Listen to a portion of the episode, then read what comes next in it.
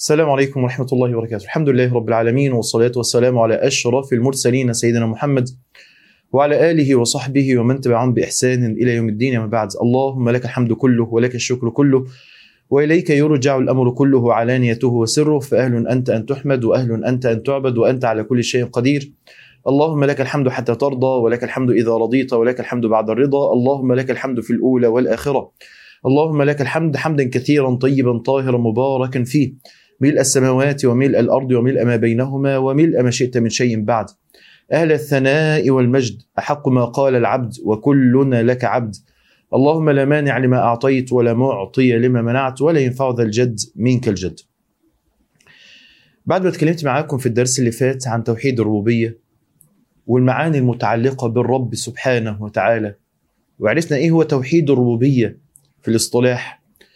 عرفت معاكم من خلال اللغة إن الرب سبحانه وتعالى يأتي بمعنى السيد المطاع واتكلمت معاكم عن خضوع هذا الكون للسيد المطاع. وعرفنا كمان إن هذا الرب يأتي بمعنى المدبر وشفنا تدبير الله سبحانه وتعالى لأوليائه. ويأتي هذا الرب أيضا بمعنى المنعم ورأينا كيف أن النعم في القرآن كانت دايما تنسب للرب سبحانه وتعالى لأنه هو المنعم على الحقيقة. وشفت معاكم إن الرب يأتي بمعنى المصلح وشفنا إن الرب يأتي بمعنى المربي. يا ترى هذه المعاني إذا استقرت في قلب العبد إيه الثمرات اللي ممكن الإنسان يجنيها من وراء هذه المعاني؟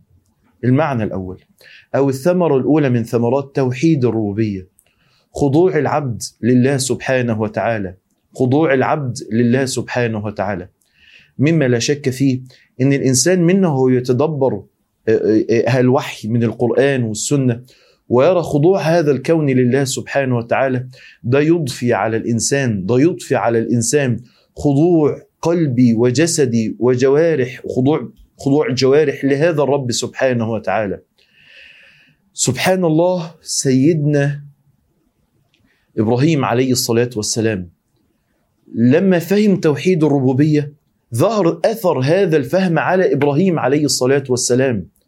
قال الله عز وجل وإبراهيم الذي وفى أي خضع واستسلم ونفذ أوامر الله سبحانه وتعالى لأنه فهم توحيد الربوبية.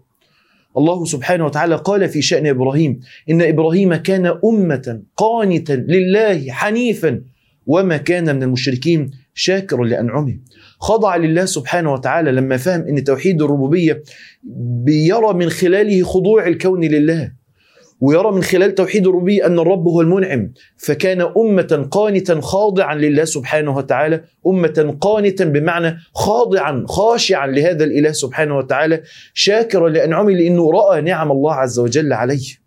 سيدنا سليمان عليه الصلاة والسلام لما فهم توحيد الربوبية كان يلهج دائما لسانه بقول الله سبحانه وتعالى ربي ربي ربي أوزعني أن أشكر نعمتك التي أنعمت علي.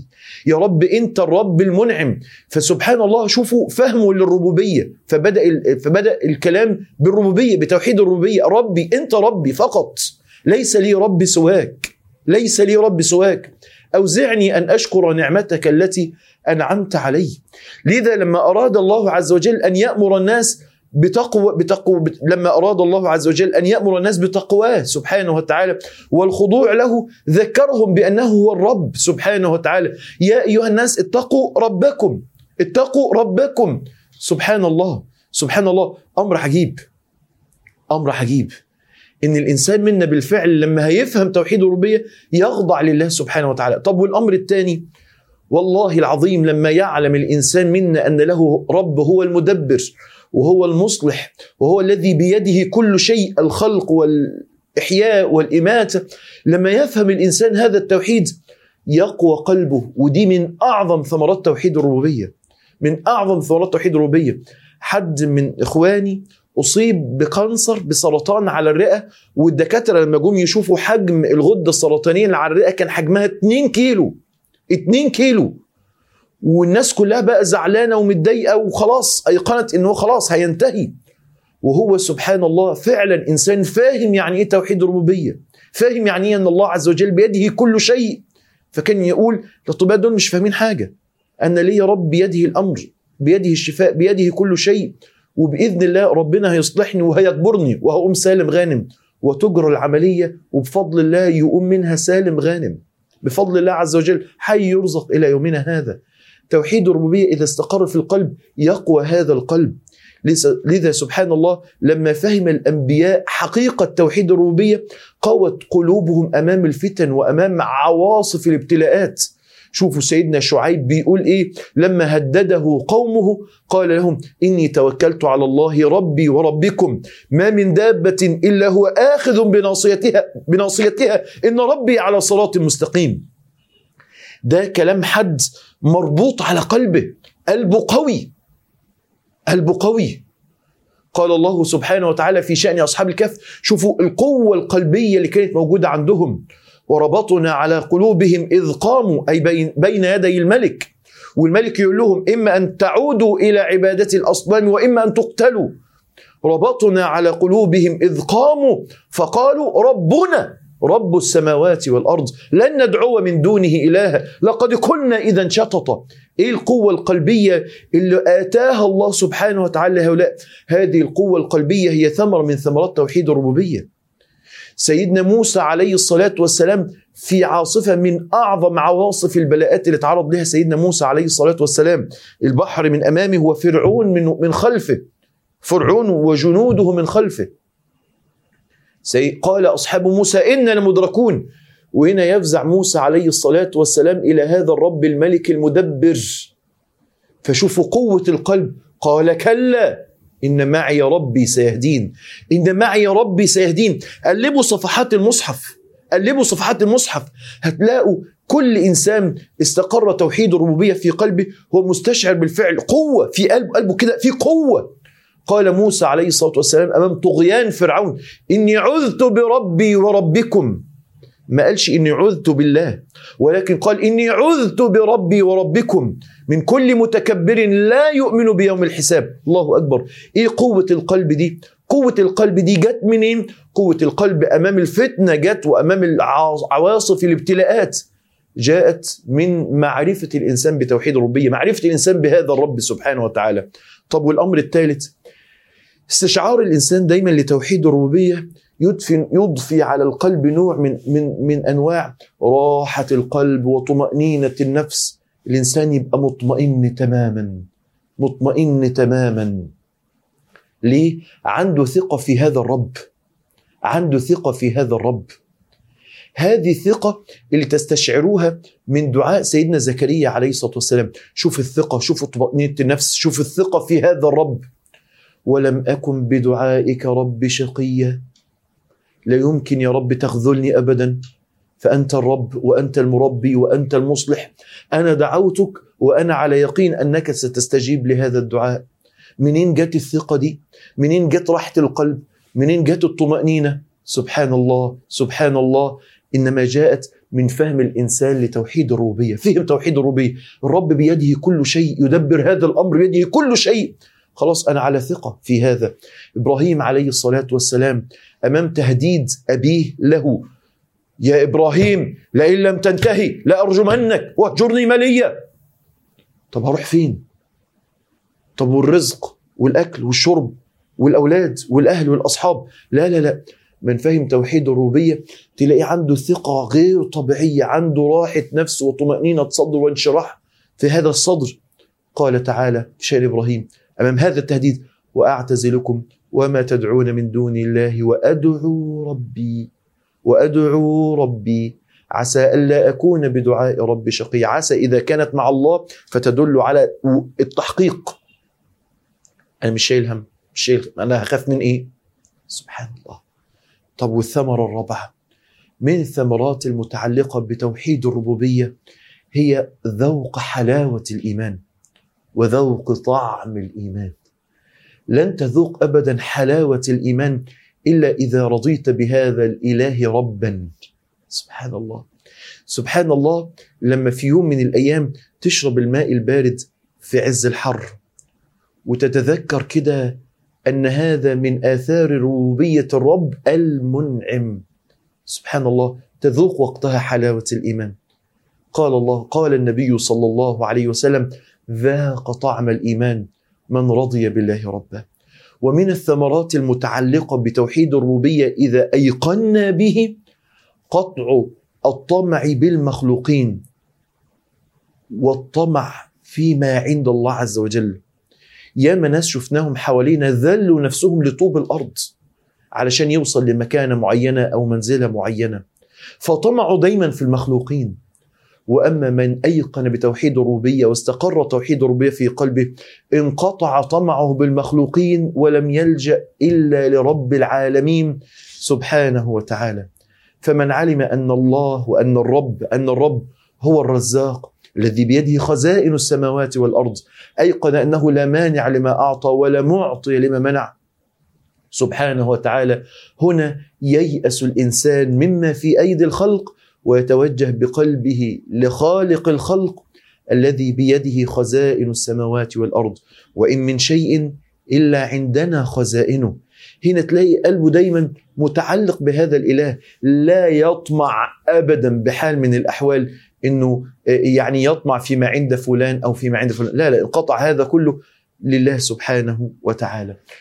الأمر السادس شهود الفقر. شهود الفقر لهذا الرب سبحانه وتعالى. فكلما رأى الإنسان هذا الكون وما فيه خاضع لهذا الإله خاضع لهذا الملك خاضع لهذا الرب خضع هذا الإنسان لله فيشهد فقره بين يدي هذا الملك فيعلم وقتها أن الرب رب وأن العبد عبد.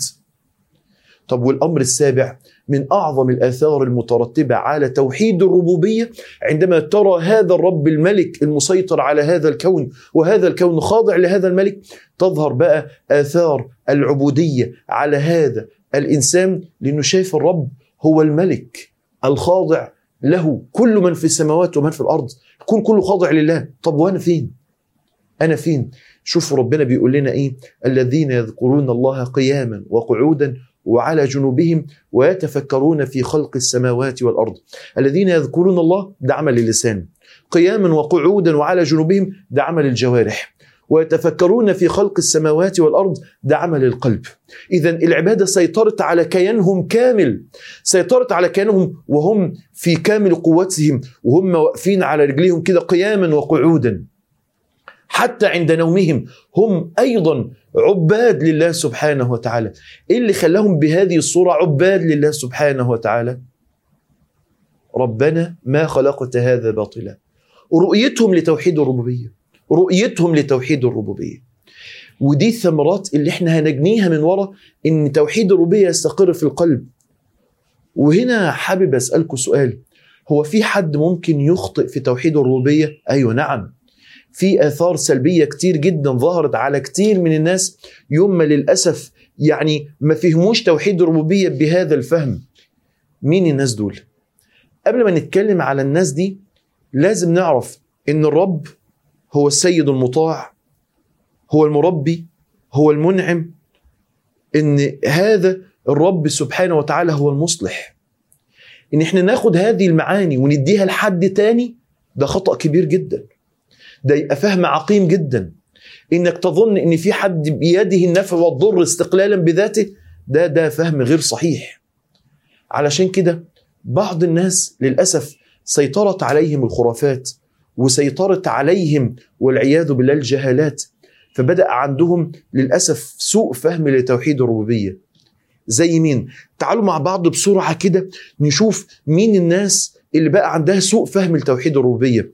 الصنف الأول صنف من الناس للأسف ظن إن النفع والضر بيد بعض المخلوقات. فتلاقيه مثلا يتشائم من بعض الأشياء ظنا إنها تملك نفع أو ضر.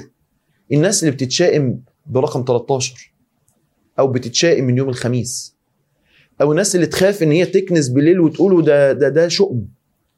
الشؤم ده أهو هذه العقائد اللي الناس متصوراها تناقض توحيد الربوبية. اللي يبقى رايح بيت جديد فيذبح قدام البيت الجديد علشان يطرد الجن خايف من الجن مثلا ويبقى اعتقاد سائد عند بعض الناس الناس اللي معلقة خمسة وخميسة على بيوتها ظنا إن الخمسة وخميسة دي هي اللي تحميها من العين أو تحميها من الحسد صاحبنا اللي جاب ميكروباص جديد أو عربية جديدة ذبح تحتها خروف وعص يعني إيده كده من دم الخروف وحطها على العربية ظنا إن هو كده دي حماية للعربية من العين ومن الحسد. ده ده هيتناسب مع أو ده الفهم المناسب لواحد عرف يعني إيه إن الرب هو الخالق الرازق المدبر للأمر لا طبعا علشان كده النبي صلى الله عليه وسلم قال لنا الطيرة شرك التشاؤم شرك وأدي أول صوره من الصور اللي تخالف فهم الإنسان لتوحيد الربوبية. اثنين اعتقاد النفع والضر في أشياء ما ذكر الله عز وجل إن هي ممكن تنفع أو تضر. إيه إيه إيه الست الصالحة أو المرأة الصالحة اللي راحت تشتري ذهب فقالت له حط لي فيه خرزه زرقاء. اعتقاد من الناس إن الخرز الازرق إن الخرز الأزرق ده دافع للعين وإن ده حماية من الأذى. زي ما كان موجود عند العرب في الجاهلية، العرب في الجاهلية ما فهموا توحيد الربوبية، فعلشان كده كانوا بيعلقوا الخرزه الزرقاء. عشان كده كانوا بيعلقوا الخرزه الزرقاء امنا الكريمة اللي في قرية من القرى وربنا رزقها بمولود. فراحت لسيدنا الشيخ اللي هو الدجال المشعوذ وقالت له اعمل لي حجاب ورقة مكتوب فيها طلاسم علشان تعينها كده تحت إبط ابنها أو في صدر ابنها ظنا إن ده الحماية. الورقة دي اللي كتبها الشيخ بطلاسم إن هي دي الحماية. هذا لا يتناسب ابدا مع توحيد الربوبية. النافع الضار هو الله. النبي صلى الله عليه وسلم كان لما رأى الجاهلية بتعمل كده قال لهم لا اركنوا بقى كل ده. كل ده يزول تماما واللي يبقى في الحقيقة معنا إيه؟ أعيذكما بكلمات الله. نلجأ إلى الله هو الحامي سبحانه وتعالى. هو الحامي سبحانه وتعالى. والدنا الكريم اللي بيعلق حبل أسود في العربية بتاعته ظنا إن الحبل الأسود طارد للعين. ده حد فهم توحيد الربوبية؟ أن الله هو الذي بيده ال- ال- ال- الأمر كله؟ لا والله. فالنبي صلى الله عليه وسلم يجي يقول لنا إن التمائم والتولة شرك. إن التمائم والتولة شرك. الصورة التي تلي ذلك. ذهاب بعض الناس للسحرة والمشعوذين. يا شيخ اعمل لي حجاب لابني. الذهاب للسحر والمشعوذين ظنا ان أنا ممكن أكون في حماية وحصانة بوجود المشعوذين والسحرة والكهنة في حياتنا. يا شيخ اعمل لنا حجاب كده عشان الزوج يحب زوجته. قال النبي صلى الله عليه وسلم من أتى كاهنا من أتى كاهنا فصدقه بما يقول. لم تقبل له صلاة أربعين يوما. والنبي صلى الله عليه وسلم يحذرنا من ده يحذرنا ده من ده. ليس منا من تكهن أو تكهن له أو سحر أو سحر له. النبي يقول لنا مش من ديننا. يتناسب لا يتناسب هذا مع توحيد الربوبية. ابدا لا يتناسب هذا مع توحيد الربوبية. توحيد الربوبية يخلي قلبك دايما متعلق بالله سبحانه وتعالى. للأسف بعض الناس اللي بدأ ما تلجأ إلى الله سبحانه وتعالى في وقت ضرها بتروح لأصحاب القبور.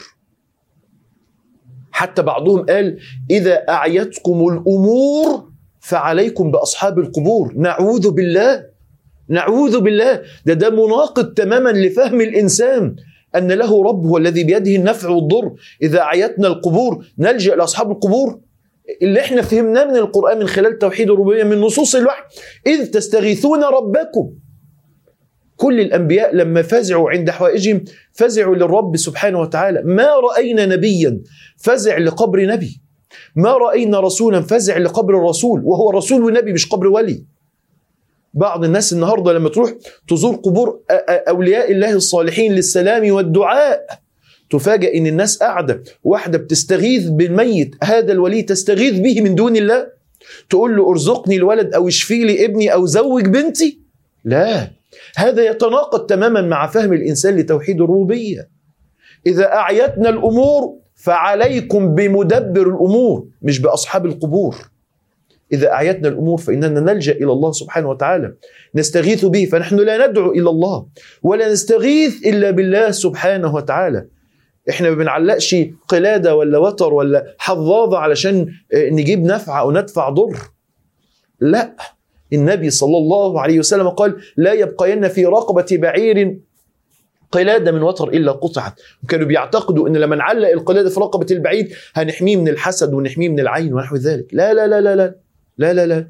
في وقت فزعي ألجأ إلى الله سبحانه وتعالى.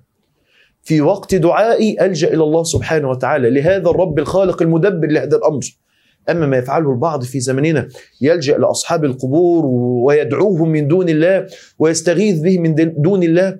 والله العظيم بعضهم كلمني وقال لي أنا ما وقعت في أزمة فدعوت الولي الفلاني إلا استجاب الله عز وجل لي. لا لا لا لا لا, لا.